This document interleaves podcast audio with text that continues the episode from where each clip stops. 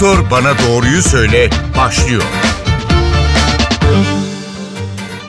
Merhaba, NTV Radyo'da Doktor Bana Doğruyu Söyle başladı. Ben Zeynep Gül Alp. Bugün ilk ders zili çaldığı 20 milyon öğrenci okullarına kavuştu. Peki bugünlerde çocukların bağışıklığını güçlü tutmak için neler yapmak gerek?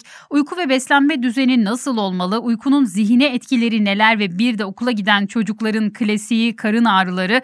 Okulların açılmasıyla birlikte artık sık sık karnım ağrıyor sızlanmalarını da duyuyor anne babalar. Bunun nedenlerini de konuşacağız. Konuğumuz çocuk sağlığı ve hastalıkları uzmanı Profesör Doktor Emin Ünüvar. Hocam hoş geldiniz yayınımıza. Hoş bulduk, hoş bulduk. Şimdi hemen şu karın ağrısı olayıyla başlayalım. Okulun ilk günlerinde veliler sık sık bu yakınmayı duyuyorlar. Hatta duyacaklardır ilerleyen günlerde de. Çocukların neden karnı ağrır? Bize anlatır mısınız? Öncelikle ben sözlerime başlamadan önce e, tüm öğrencilerimize, öğretmenlerimize, velilerimize sağlıklı, başarılı bir 2023-24 eğitim dönemi e, dileyerek başlamak istiyorum. Çocuklarda karın ağrısı birçok sebepten kaynaklanabilir. Karnımızdaki organların sayısı oldukça fazladır. Yalnız bunların ortalama yüzde 40 ila 50'si neredeyse yarıya yakını önemsiz sebeplerden kaynaklanır. Nelerdir bunlar? Davranışsal sorunlardan tutun da çocukların yedikleri yiyeceklerle ilgili birçok sebep karın ağrısı yapabilir. Ağrı bir algıdır, persepsiyondur. Çocukların bazıları bunda hassastır. Hassas karın ağrısı olan çocuklar. Karın ağrılarının e, yansıması iki türlü ağrı var. Birisi e, organik dediğimiz ciddi hastalıkları gösteren ağrılar ama çoğu kez de karnın etrafında, göbeğin etrafında olan ağrılarsa çoğu kez önemsiz sebeplerden gelir. Bunların en klasik örneklerinden birisi açlığa bağlı ağrılar, yediklerinden kaynaklı ağrılar, kabızlığa bağlı ağrılar ve benzeri bunlar içinde sayabiliriz. Okul çağı çocuklarda okula gittikten sonra el yıkama alışkanlığı önemli. Parazitozlar da karın ağrısı sebebi olarak karşımıza çıkabilmektedir. Peki hangi noktada ciddi alınması gerekir bu karın evet, ağrısı? hangi? Şimdi ağrının şiddeti yüksekse, çocuğu kıvrandıracak düzeydeyse, özellikle gece uyandırıyorsa ve ağrı ilaçlara rağmen ağrı kesici dediğimiz ilaç kullanımına rağmen düzelmiyorsa, ağrının sıklığı giderek artıyorsa ve yanında ateş, e, idrar yapmada sorunlar, kusma özellikle ve bilinç değişimi gibi daha ciddiyeti gösteren bulgular eşlik ediyorsa bu durumda mutlaka hekimin görmesi önerilir. Peki alerjik durumlarda da karın ağrısı olur mu? Alerjik durumlarda da olur. Çünkü sindirim sistemimizde bizim alerjen maddelerin giriş yerlerinden bir tanesi. Çocukluk çağı alerjik olaylarında, besin alerjilerindeki yaşı biraz büyüktür.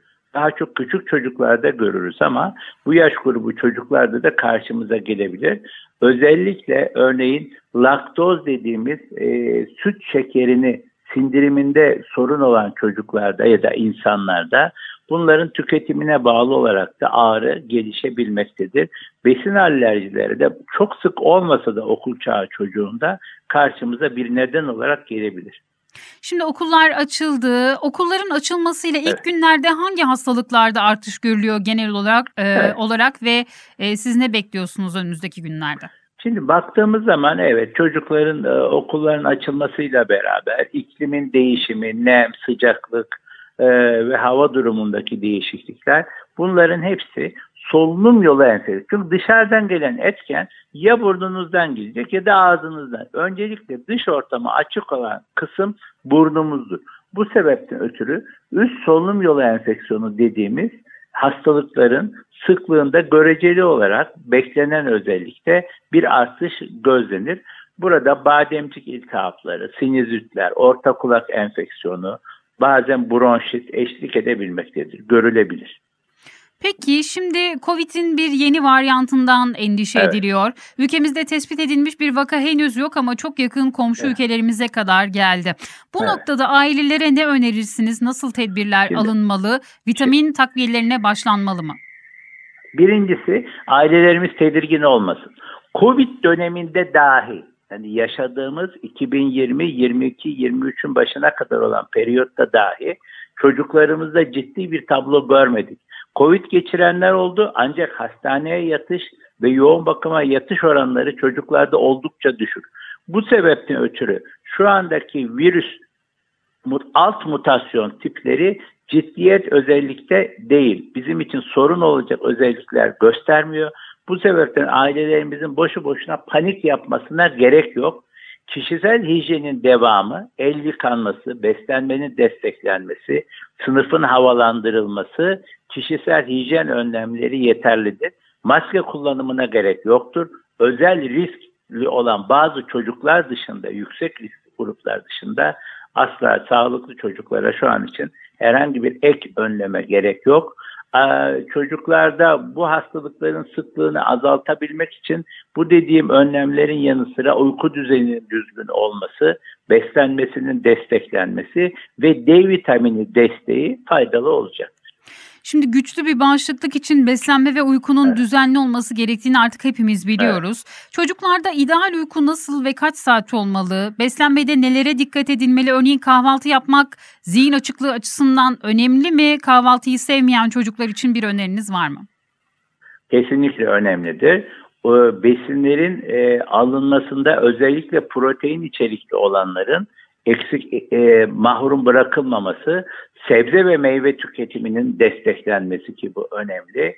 Meyve ve sebze çocuğun sağlığı için birçok vitaminleri içerebilmekte. Bol su alımı, su içmesinin desteklenmesi yine immün sistem için e, önem arz etmektedir. Uykuya geldiğiniz zaman Unutmayın güneş doğduğu zaman kalkacaksınız, güneş battığı zaman yatacaksınız. Dünyada her şey güneş ışınına bağlıdır ve vücudumuz bu ışınlara sensörleri aracılığıyla hassastır. Bizim sirkadiyen ritim dediğimiz belli bir ritmin içinde çocuğun yaşantısını sürdürmesi lazım. Okula giden çocukların en geç 9.30-10'da uyumaları. Çünkü sabah da erken kalkıyorlar saat 6'da 7'de çoğu çocuğumuz kalkmakta ve servislere gitmekte. Bu yüzden uykunun belli saatinin düzenli olması, yemeklerin düzenli olması. Yani kısaca günlük yaşantısının planlı ve düzenli olması sağlığı için önemlidir. Şimdi özellikle yaz aylarında bir kızamık alarmı verilmişti. Aşı olmayanlar evet. aşıya çağrılmış ve tedbir evet. alınması gerekliliğinin altı çizilmişti. Şu an okulların evet. açılmasıyla bir kızamık salgını riskiyle karşı karşıya kalınır mı? Kalınmaz. Bizim ülkemizde çünkü aşılanma oranı oldukça yüksek. Okula giden çocuklarımız kreş grubunu kenara koyarsa ilkokuldakiler zaten 6 yaşta başlıyor. E, çocuklarımızın çoğu 4 yaşında bu aşının ikinci dozu yapıldığı için bir risk taşımazlar. Hı hı. Kreşe giden çocuklarımıza geldiğimiz zaman 4 yaşında mutlaka aile hekimlerinde kızamık kızamıkçık kabakulak aşısının ikinci dozunu yaptırmaları lazım. Aile hekimlerimiz, hemşire hanımlarımız zaten aileleri davet edip bu aşıyı yapıyorlar. Aşıların eksik olmaması, mahrum bırakılmaması önemli. Büyük bir kızamık riski taşımaz. Aşılı çocuk kızamıkta risk taşımaz. Peki çocukların diyelim ki kızamık e, oluyor ve geçiriyorlar. Kızamık olduğu nasıl anlaşılır? En çok hangi belirtiyle kendini gösterir? Kızamık olan çocuklara baktığımız zaman riskli yaş grubu 2 yaş altıdır. Yüksek ateşle beraber döküntüler ortaya çıkar ve bunu ancak hekim e, ve kandaki bazı testlerle de doğrulayarak kızamık tanısına ulaşır. Bu şekilde tanı konulmaktadır.